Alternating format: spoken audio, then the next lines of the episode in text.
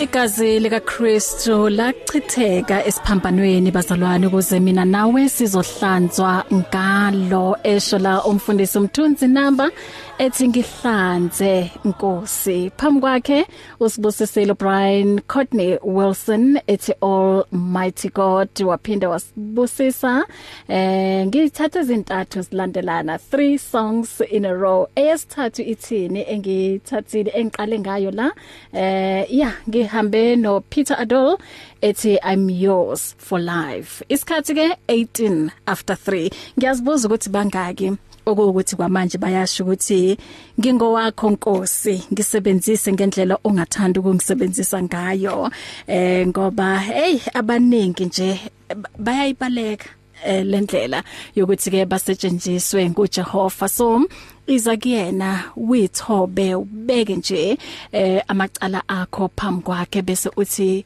ngiza kuwe manje ngokuphelele ngingowakho ngisebenzise 19 after 3 njoba ngishilo ukuthi uma ngibuya ngizobe ngino Mariki Bodma seka la Hey, uyasibamba isikhathi Ntombi. Obvious, ngumlungu. Cabangani. You know what they say African time, yeah. African people isikhathi anisibambe. I mean ngumlungu shame isikhathi ngiyasibamba. Ah, uyasibamba impela. Phela ithe mithi 23 wathi ngila ngathi hawo. yabona into enhle impela kumele nathi siyipractice lento ngoba yikho into eAfrican time that is so true isikhathi kumele usibambe in mhm, life eh, mhm. ngoba isikhathi isikhathi sibalekile because we don't know what tomorrow brings or what the next hour brings yeah. mm -hmm. so isikhathi is something that i prioritize in my life yeah mangidedicatele ukuthi ngaleso sikhathi ngizobe ngilapho i can't be 5 minutes late yeah siyakwamukela la ekhaya siyabonga ukuthi ube nathi ngiyabonga kakhulu sis mhm ngicela babingelele nale emakhaya kuzo zonke nje indawo labalalele khona ngibingelele abantu emakhaya i greet everyone in the blessed name of the lord jesus christ Ehm um, en veral die Afrikaans sprekendes wat ook luister, ek sê goeiemôre. Ek is 'n Afrikaner, 'n wit boerevroutjie, Marike Botma. Eh uh, ngiyanibingelela, ngithi dumelang sanibonani. Mm. Um uyazi nje kulolu suku um nakuthina kuyinjabulo ukuthi sibe nawe. Um asiqale uyasingayikhiphi phezulu le ndaba ne? Mm. Siqale le uMariki esakhula eyingane. Um uMariki ukhulela kuphi? Ungobani uMariki? Eh umbuzo okahle loyo uMariki ubani? Mhm. Let me be honest. uMariki akazazi ukuthi ubani. Mhm. and iqiniso kodwa elibhlungu mm. kodwa iqiniso kumele likhulunywe yeah uMariki ngokwazi kwakhe wazalwa ePorch um I was born in Potchefstroom in the early 1980s where I was abandoned by my birth parents um I got adopted by a very well known pastor but also a police uh, um, officer or mm. a lieutenant in the mm. South African Defence Force who then adopted me and my half sister when I was only 8 months old um maka sadoptha sa sazohlala khona la ePretoria mm. uh, then it was called Voortrekkerwegte the area mm. so ubawami la radio pulpit babemazi kakhulu yeah. wayethanda ukusiletha la singane azosiculisa la e radio pulpit azoshumayela um but unfortunately um the the truth is that umuntu ungamazi kodwa uyamazi na mm. you know um I met you a, a week, uh, two weeks ago, where yeah. my first question when I spoke was, "Niyangazi uthi ngubani na?" Mm-hmm. So abantu were responding, "Uthi yeah, we celebrate ya umlungu lokhuluma isiZulu, Miss King Pie or whatever." Yeah. Mm -hmm. But iqiniso ukuthi aningazi nazomsebenzi wami. Yeah. you don't go home with me tonight you don't know what is happening in my home so even nathi sakula and into ebhlungu and this i'm going to say in english because i would love everyone to understand this mm. the sad part about us human beings especially in south africa is that we always say that white people had it all in the apartheid years mm. and that's not true mm. i am one white south african girl who grew up in the apartheid years till today I still don't know who I am and where I belong, who mm. my family is. Mm. I went through life till today I don't even have an education. But in society's mind ngoba umlungu yeah. ukhule kahle. Mm. That's not true. which is true uma nje simbona lapha uMariki asithi bona she's well off mm, mm. eh ukhule edla ngesilver spoon ah. and njoba uyibeke ngendaba yokuthi yes umuntu angacabanga ukuthi uyangazi but mm. akangazi mm. and wakhuluma into ebalekile la ukuthi nami angizazi mm. ukuthi mm. ngubani ngoba uye wa introducewa kulempilo mm. but kwatholakala ukuthi no um, ngathi amaqiniso awekho amaqiniso awekho and um, good this life yes kakhulu kakhulu emasontweni mm. amasonto anenkohlakalo mm. and uh, this is a great platform to talk about it because i remember coming here to radio pulpit as a small child who was known as the white van der Walt kids who were coming to sing in different languages at radio pulpit mm. but the truth is no one knows what was going on within our home mm. and we were supposed to be these big christians amaqiniso mm. ukuthi into ebhlungu and the, the most painful part is that it's in mostly Christian homes. Mm. I mean let's get straight to the point. My father started raping me from the age of 2. Hmm. And he was on radio pulpit preaching. Oh my. He God. was in church preaching. Hmm. You know, and that is the reality of what is happening. and we just kept on covering up the truth because of the perception of what people think you are yeah and iqiniso ileluthi isikhathi esiningi siphumela ngaphandle sigqoka kahle sifaka i-makeup sikhuluma kanjani kodwa abantu abazi ngempela lezo icathulo igqokile ukuthi zingene kanjani zishisa kanjani mm. abantu abazi ukuthi when I, when I used to come here at radio pulpit it, I was a very sad child We were a family of four kids always coming to sing here in 13 different languages. Kodwa abantu bebengazi ukuthi endlini sasihlukunyezwa. Mm. Sasihlukunyezwa. I was round about the age of 4 when ubabami actually we had come from a radio pulpit interview and bangitshena ukuthi kahle kahle we sasingakufuni sasifuna usisi wakho sa forced ukuthi sik adopt. Mm. And bangithengisele sangomeni. they sold me to isangoma but luckily our nanny saw isangoma singithatha wagijima wazongilanda mm. that's the reality of what i had to face as a child and ukushaywa vele ngani umigangi yashaywa thina ukushaywa kwethu kwakungasikona ukushaywa uba wami wayimfundisi wayethanda ukungikhiyela angkhele kamerini elincane eligcwele amagundwane for 3 4 days banginike uphuthu namanzi oh, as gosh. punishment for izinto abantwana babukade bezenze wrong so mm. that's why i say ukuthi mani ngibona nithi niyangazi but aningazi abantu eh, umzansi wonke unless you've been following my story uyabo eh abantu abazi ukuthi njengoba ngidume ku TV umlungu ukhuluma isiZulu Miss King Pie ubheka mina yeah. ngedwa whatever mm, mm, abazi mm. ukuthi mm. what it took me to get there yeah i'm not proud of it but iqiniso angikaze ngiye nase high school bangikhiphe esikoleni ka standard 5 when we moved to KZN uh, eh, sayofundele KZN just after i turned 3 in 1986 um I went to So yilapho wafunda khona no, ukukhuluma isiZulu No no isiZulu saqala ukusifunda before sihlale KZN because okay. abo sisa kade besikhulisa lapha endlini abo auntie mm, besibabe mm, mm, uthandiwe mm. Mthethwa she used to teach us isiZulu so because ubaba wayengumfundisi waye wayeshumayela ngeAfrikaans mm. so wayeshumela underground because siyazi ukuthi ngenza apartheid years ukuthi bekunjani so bekune not far from the Pretoria prison there was an underground parking. So on Sundays, wayesonta uh, uh, uh, waye he always used to preach there and that so wayesfostile from a young age ukuthi sifunde isiZulu khona yena umeshumayela ngeAfrikaans oh, sikwazi ukuthi simtolikele okay simtolikele because oh. his congregation was abantu abamnyama mm and uh, that is how the Zulu started mm. but the mistake abantu abayenzayo bacabanga ukuthi once ngaya kwasiza abantu mission eKZN mm. ukuthi la ngafunda khona eZulu no kwasiza mm. abantu angifundisa ngeZulu Nama sengiqala esikoleni ngazikhethela ukwenza isiZulu ulimi lokuqala. Okay. Baningi abelunga abahlala kwasiza abantu bonke bakhuluma isiZulu yebo. Mm -hmm. Kodwa mina ukuthi ngisiqekethe ngasifundela ukuthi ngangenza isiZulu ulimi lokuqala esikoleni. Mm -hmm.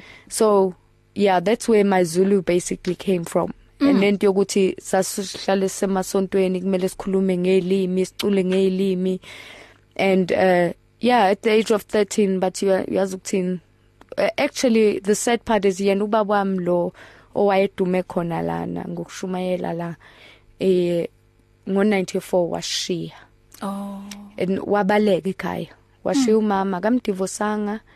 wamshiya khona kwasezabantu mission eKZN eh wahamba wayohlangana nomunye umfazi and that's when i thought ukuthi hayi sikuyi break yami yabona izinto sesizolunga manje ubaba kasekho angeke ngisahlukunyezwa kodwa hayi ukuhlukunyezwa kwaqhubeka lapho akuphelelanga kubaba kwadlulele ebantwaneni hmm.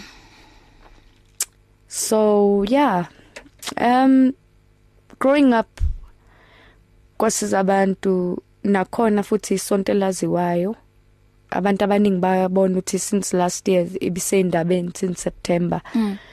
um sadlwengulwa khona kakhulu mina ngomunye wabantwana wadlengulwa kwasiza abantu in congregation or ama pastors akhona yes oh. abaphathi bekwasiza abantu eh ikwasiza abantu mission eya eyakhetha ukuthi ngingafundi Mm. ibona abatshena umndeni wami ukuthi eh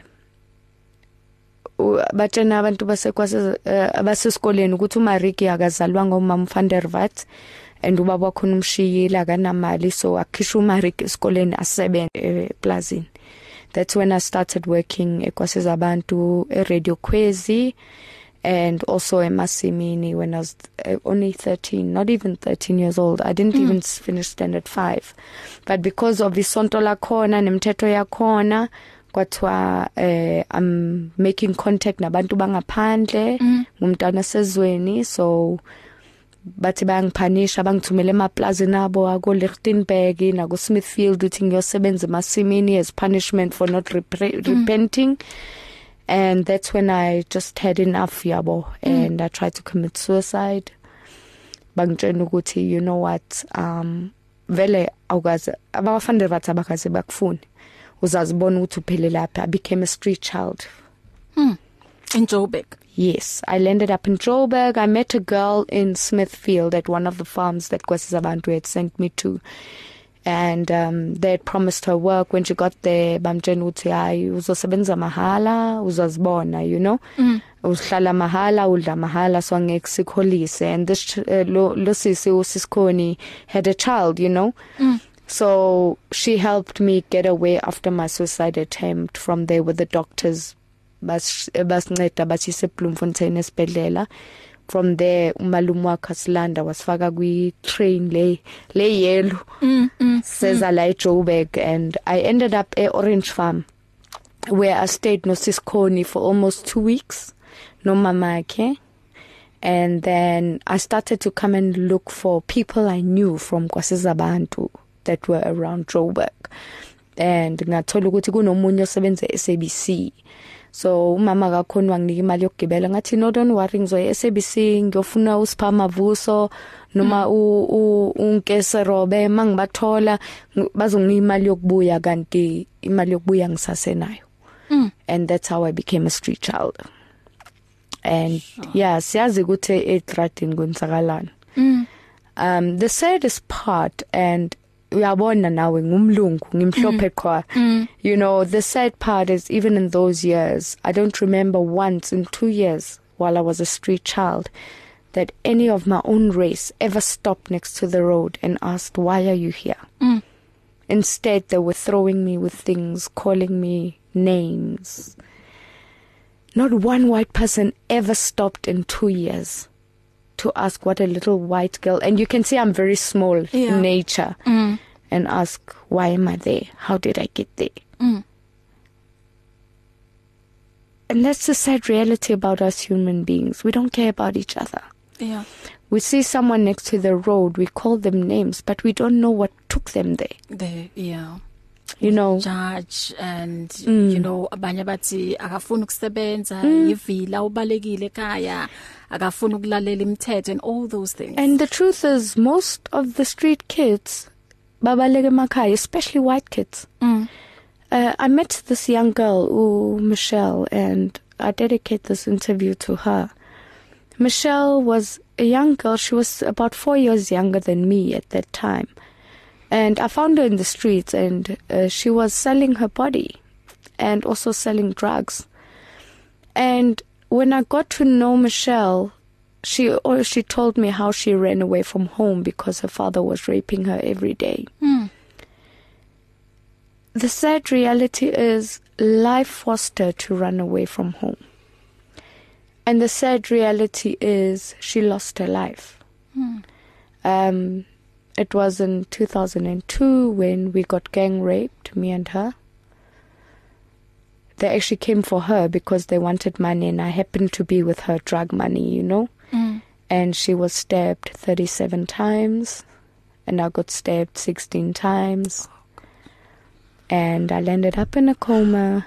Um, I woke up three months later in Paraguana Hospital, and I was told, Look, Michelle is gone and you survived, but you'll never be able to have kids. Mm. Because of my reality of not having a home, not knowing who I am, not knowing where to go, I went straight back to the streets after being released from hospital. And until one day, when a pastor from uh, an old apostle church at Palm Springs, Evadoni, he came to my rescue and said, Look, I always, I've never seen you get in someone's car. And I've been driving past this robot every day going to work. I've never seen you sell your body. I've never seen you use drugs. You're always standing on the corner singing. Mm. Don't you want to come live with my family and come sing with my church choir? My teach my youth how to sing. And that's how I got off the streets. Mm. So, Mariki, udaba lwakho lubhlungu but you know amandla kaNkuluNkulu siyawabona mm. kwamanje ukuthi eh, esibengisho phambilini ngithi uNkulunkulu ukusidala kwakhe unenhloso mm.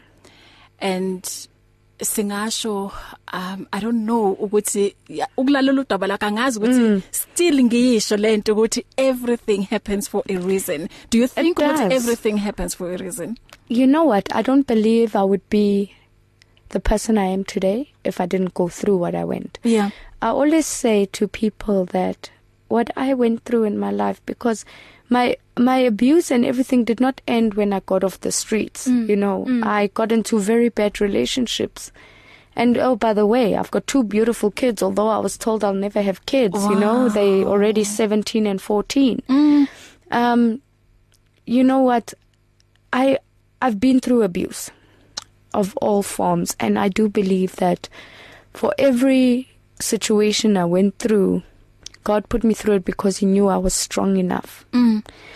Because many times we complain about small things, and yeah. I've been struggling a lot lately with the blaming game. You mm. know, asking myself, why can I help so many people with my life story, yet I'm finding myself in a position of not healing? I can't accept that indlela zami izivalekile manje mm. ngenxa ye COVID mm. you know angikhona ukusebenza I can't be the active person that I always am going out there changing lives and I find myself questioning myself why did I even survive all these things I went through mm. if I'm feeling so weak right now you know mm. and the reality is God puts us through everything and I always tell people everyone has been a victim of something in life yeah But now, what helped me survive everything and what I try and stick by, although I'm failing lately because of our current situations, mm-hmm.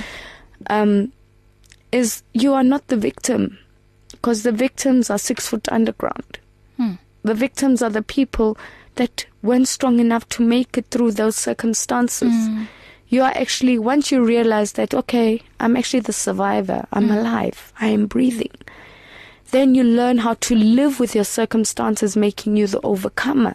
And then you get to a point in your life where you can share your life story, making you the conqueror of your past and mm. your pains. Mm. And yes, people think when they see me, they expect me to be okay. Yeah. They expect me to be strong because people say you've been through so much, you are standing, you know, mm. mm you are the mm. strong person. But what people don't realize is that I'm at my weakest mm. when I'm alone. because I realized truth is you came alone in this world, you will die alone. Yeah. People will fake friendship to get close to you. People will say whatever they want to say.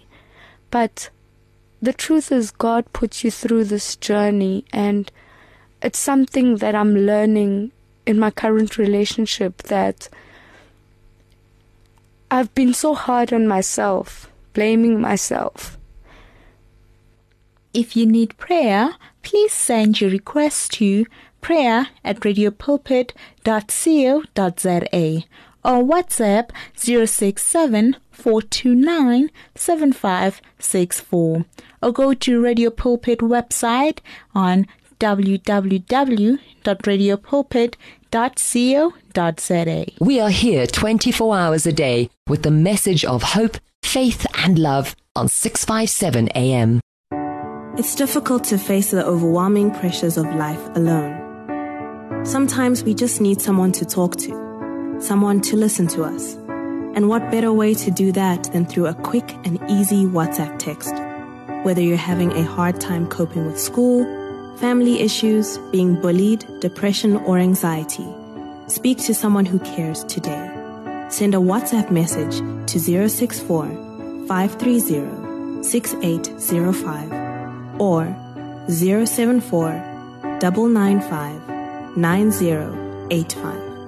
Our I Am Youth Counseling team, Charles DeToy and Danny Vambili, are ready to connect with you today. Messi said no kumariki akavumanga uJehova ngempilo yakho mm hayi uqinisile you've been through a lot Mariki mm. and useyingane uyazi kubhlungu because uma ukhula uyingane ufuna ukuthi ufane nezinye izingane mm. uthole uthando mm. um udlale uye esikolweni kodwa wena zange ube ube nalo ithuba mm. lokuthi uyithole zonke lezi zinto you know into ebhlungu uthi we don't realize as abazali mm. ukuthi izinto ozenza enganeni sometimes it may not affect their lives bese bancane mm. but later in life kube nezinto ezenzakalayo yes empilweni yabo bazibuza ukuthi kungani kanti into mm. obuyiblockile eyenzeke usasemncane yeah um ngikhuluma kakhulu emajele nase naseikoleni and all of that and uh, most of the time uzothola abantu basemajele bazokutshena ukuthi yazi ngisasemncane eh ngahlukunyezwa ngagcine nami njengendoda angasazi ukuthi ngenzeni so mangikhula because i no guidance ngagcina nami sengihlukumeza because that's what i was used to growing up and lento esingayi understand as abantu ukuthi whatever you teach a minor even mawutshena umntana umdlalisa uthi umntana ostout umntana uzokhula i believe uthi stout because i struggle with that in my life to accept that i do deserve love nginomuntu ongithandayo but still i find a reason ukumbuza uthi ngempela uyangithanda because i don't deserve love because sengtrayela ukuthi my life rotation has always been being hurt, yeah. being unloved. Mm. And I've accepted my fate ukuthi maybe it was never meant for me. And the truth is we are all meant for happiness. Mm. We are all meant for love. But I think um my my wanting to belong mm. is what has always pushed me. Yeah. You know, mm. in life. Um the sense of belonging is something that every human being has the right to. And most, many of us don't have that. Yeah. You know, I'm a mother mm. now and I can't even tell my kids ekhaya eh, kukuphi mm. ngoba kunakhaya. Mm. I can tell them ngikhulele la ngikhulele la but kuphi ekhaya. Hmm. So even today umama awumazi mm -mm. a biological mother biological father no um i did some research uh, in the past few years you know and i was told my father was beatrice mare and i've searched and there was once some hope but we lost contact with that person from brits that said my story sounds familiar he thinks he's my father mm. but you know what i think i've i've come to accept that I'll never find them. You know, I'm mm-hmm. not young anymore. Mm-hmm. Um, I mean, we, I mean, I, I know I look 20, but I'm like almost 40. So, yeah. you know, um, I think I've accepted now that I only have me. Mm. And I've learned a lot about friends. You know, when you want a sense of belonging, you grab at any friendship that comes your way. And I've been hurt, especially lately, a lot by friendships you know, and people you've known for years, you know. Mm-hmm. The mm-hmm. sad part is many people never believed my story until Kwasizabantu went in the media. Um, story went into this uh, media. Then all of a sudden, friends, people I thought were my friends for 20 years, were coming to me saying, "Mariki manje sesiyakholwa besingakholwa sonke lesikhathi. So how mm. did you call yourself a friend?" Mm. You know, and this mm. is something mm. that I always say to people: don't call someone your friend if you don't go home with them. if you yeah. don't know if they have a plate of food on their table, yeah. if you don't know if they have, if they are being abused. Mm. Don't mm. say you know mm. me and you're my friend if you've mm. never taken your time to actually ask me how are you. Yeah. When people ask you how are you, we always say ah no ngishaphu umsebenzi wami uhamba kahle yonke leyo nto. No, how are you? Yeah. we never take that time yeah and and eh, obhlungu kakhulu especially kule industry okuyo mariki mm. entertainment mm. siyabona ukuthi um abaningi bayandlula emhlabeni because mm. of depression um nokunye suicide uningi, and depression yes mm. recently oh, nangu ubaba umenzi ngubani I I guess mhlawumbe abanye abantu owake wasebenza nabo yes um, um unoxi noxi yes. I, well unoxi I was actually telling them in the car on my way here this morning Noxi and I we acted together on Ukhakhai on mm. ETV mm. in 2016 uh, we got to, I got to spend 2 months with her eThekwini at a guest house um what a woman Mm. Lo sisi unoxi she never she was never with us yabona aploma nathi uhlala sivalele kamereni you know siphume siyoshutha enanda mm. sibuye asivalele kamereni but the most wisest woman wow the most wisest woman when you did get a few words in with her that woman was wise mm. and she always said and and my my heart broke when I got the news because she's one woman who told me, Mariki, you've still got so much to do, yet you are giving up. Mm. And this was 2016. Wow. And now, when I really am at a space where I wanted to give up, she has to pass away, and her words ring a bell. Mm. You want to give up, and you've still got so much to do. Yeah. And yazi inhliziyo zethu zebuhlungu we depression is real um yeah.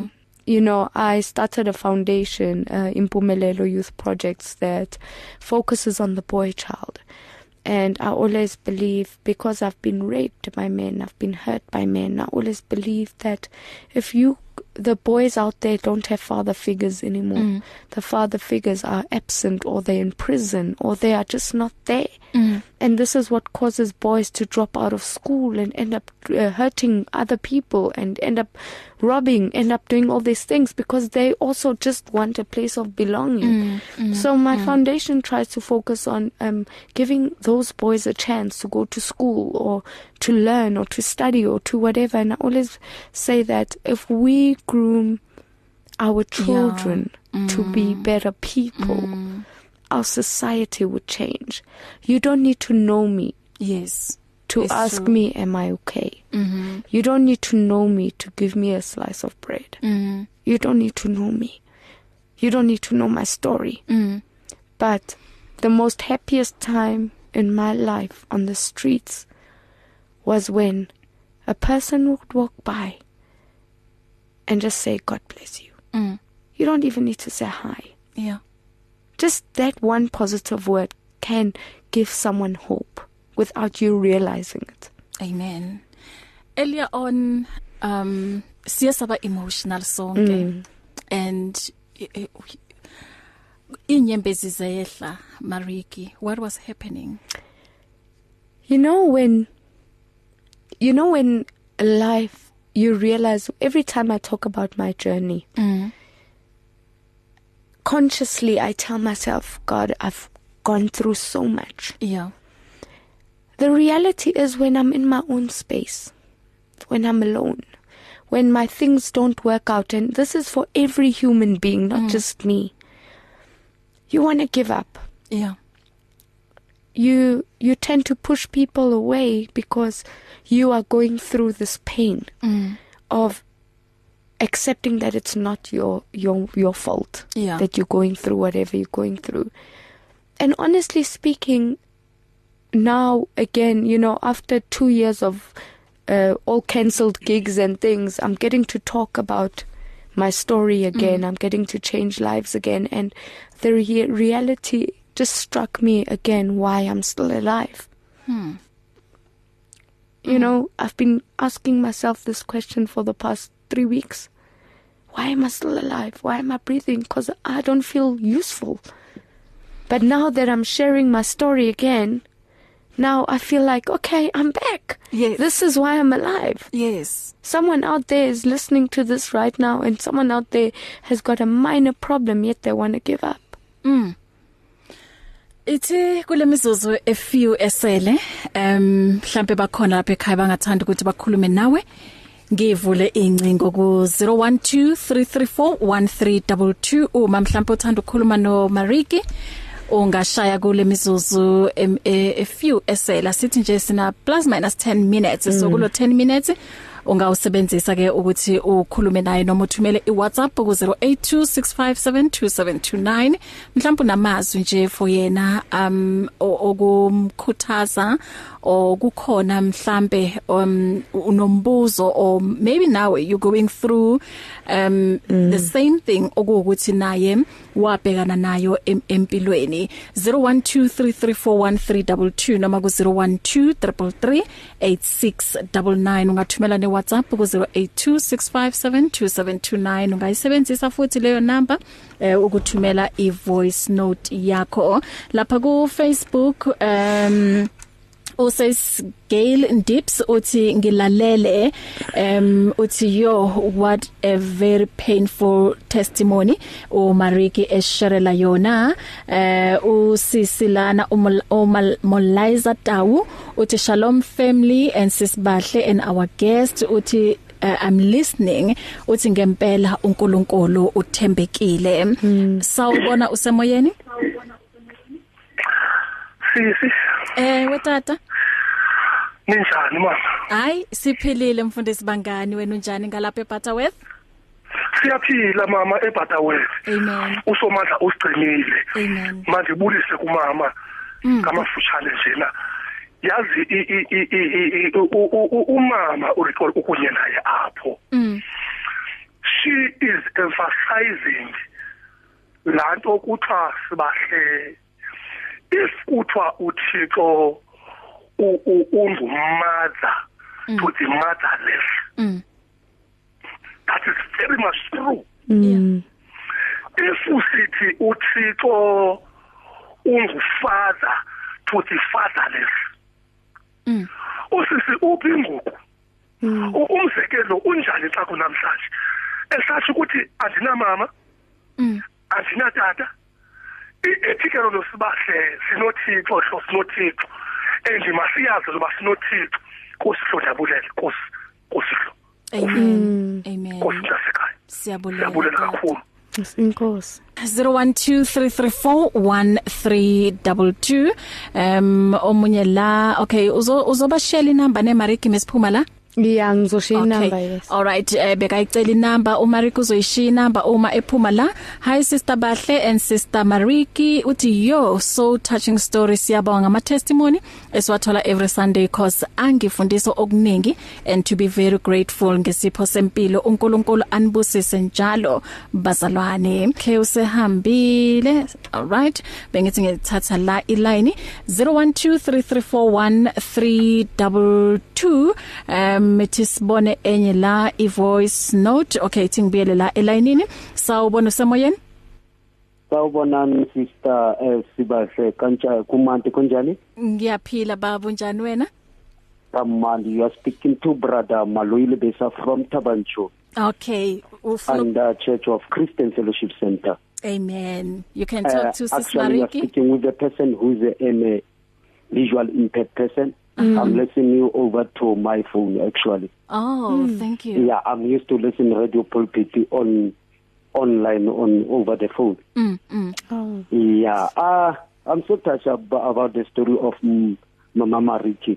Mm. But uh, I I I I believe I believe that she's a strong woman. Mm. Uh and uh, I want to say to her always she must uh focus on Jesus Christ mm. who will never let him down mm. he will he will always carry his problem and Jesus Christ he he he is an encourager he's a motivator he's a counselor for mm. everything mm. yes. if she put her trust to Jesus Christ he will never let him down thank you so much that, that's you. the thing that I, I, I want to say that because Even my second like the year 2001, it was so hard. Mm. But uh, luckily, I was in a body school for the deaf and blind in Virginia School for the deaf and blind in Tabancho. Mm. mm. Uh, by that time, I, I was in a grade seven, and by that time, it was the day where I was supposed to meet my mother. Mm. Actually, I'm growing up in a place of safety by the name of Cyrilliton Place of Safety in Bloemfontein. Mm. Mm. Then, when my second deteriorated, it was the, the time where I was supposed to go to meet my mother uh, the day into next day then after the 2011 my mother she passed away mm. due to the effects of sugar diabetes but luckily 2008 I complete my matric then after that 2009 mm. I became to stay with the pastor here in Tabancho uh, pastor Sekare may he soul rest in peace mm. he, he passed away on the 13th of January but uh, I'm still mm. with them. It's 11 years I was staying with them. Mm. Uh, due to the facts of Jesus Christ, mm. sometimes mm. you see the wonders.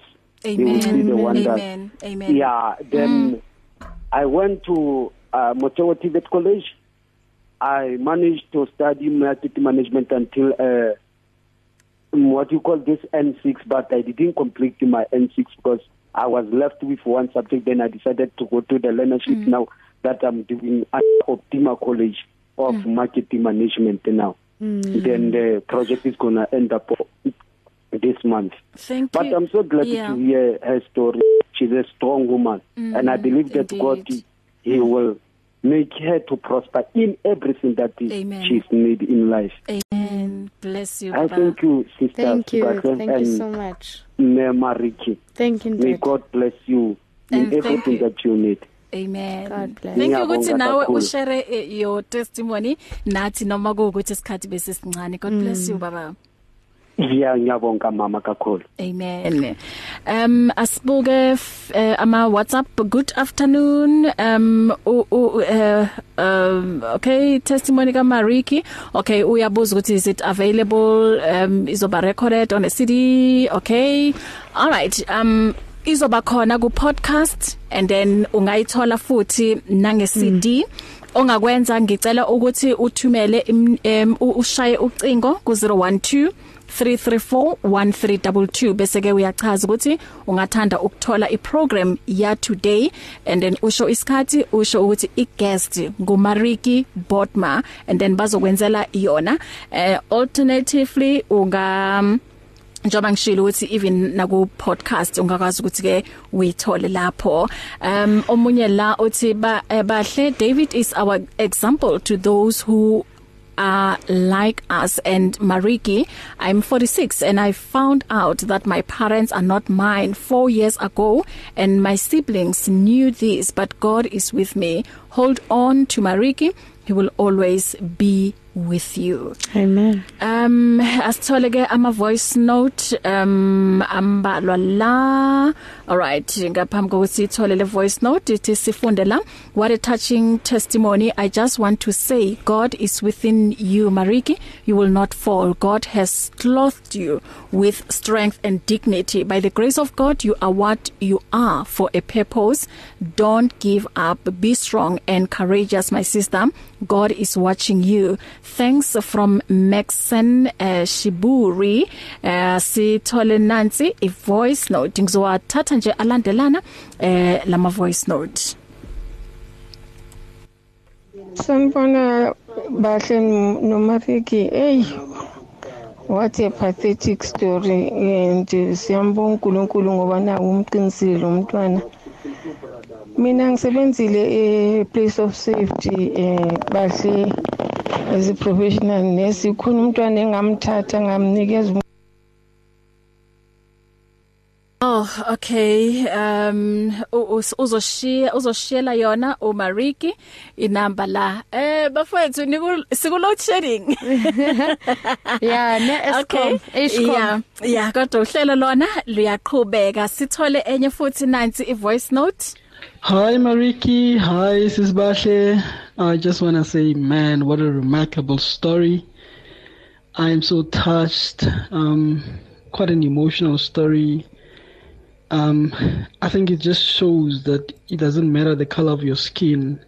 We all hurt sometimes, you know, mm. and the pain can go.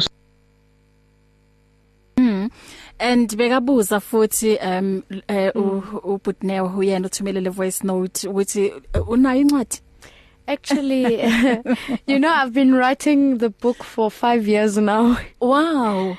And every time I I get to certain places it becomes so hard. You know, mm. because we must remember, you know, there's this thing called a motivational speaker yeah. and inspirational speakers. Yeah.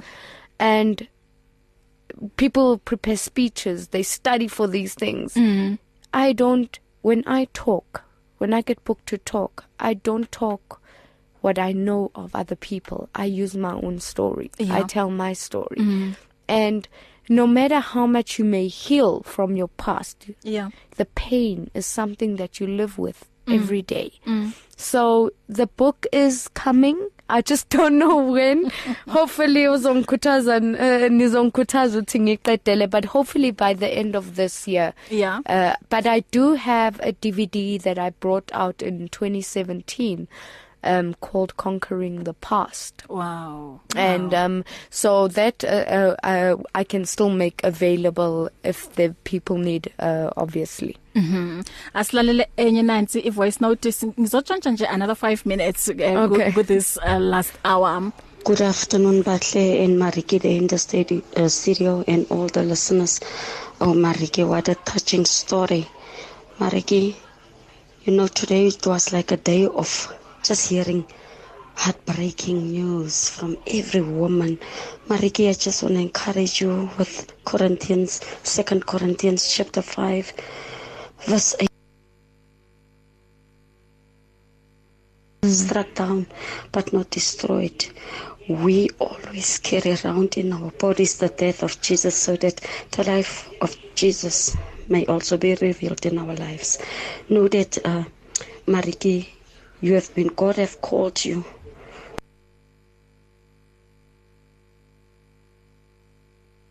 Tepi from Skyset. Oh, thank you so much, um, Sis Tepi mm. from Sky City.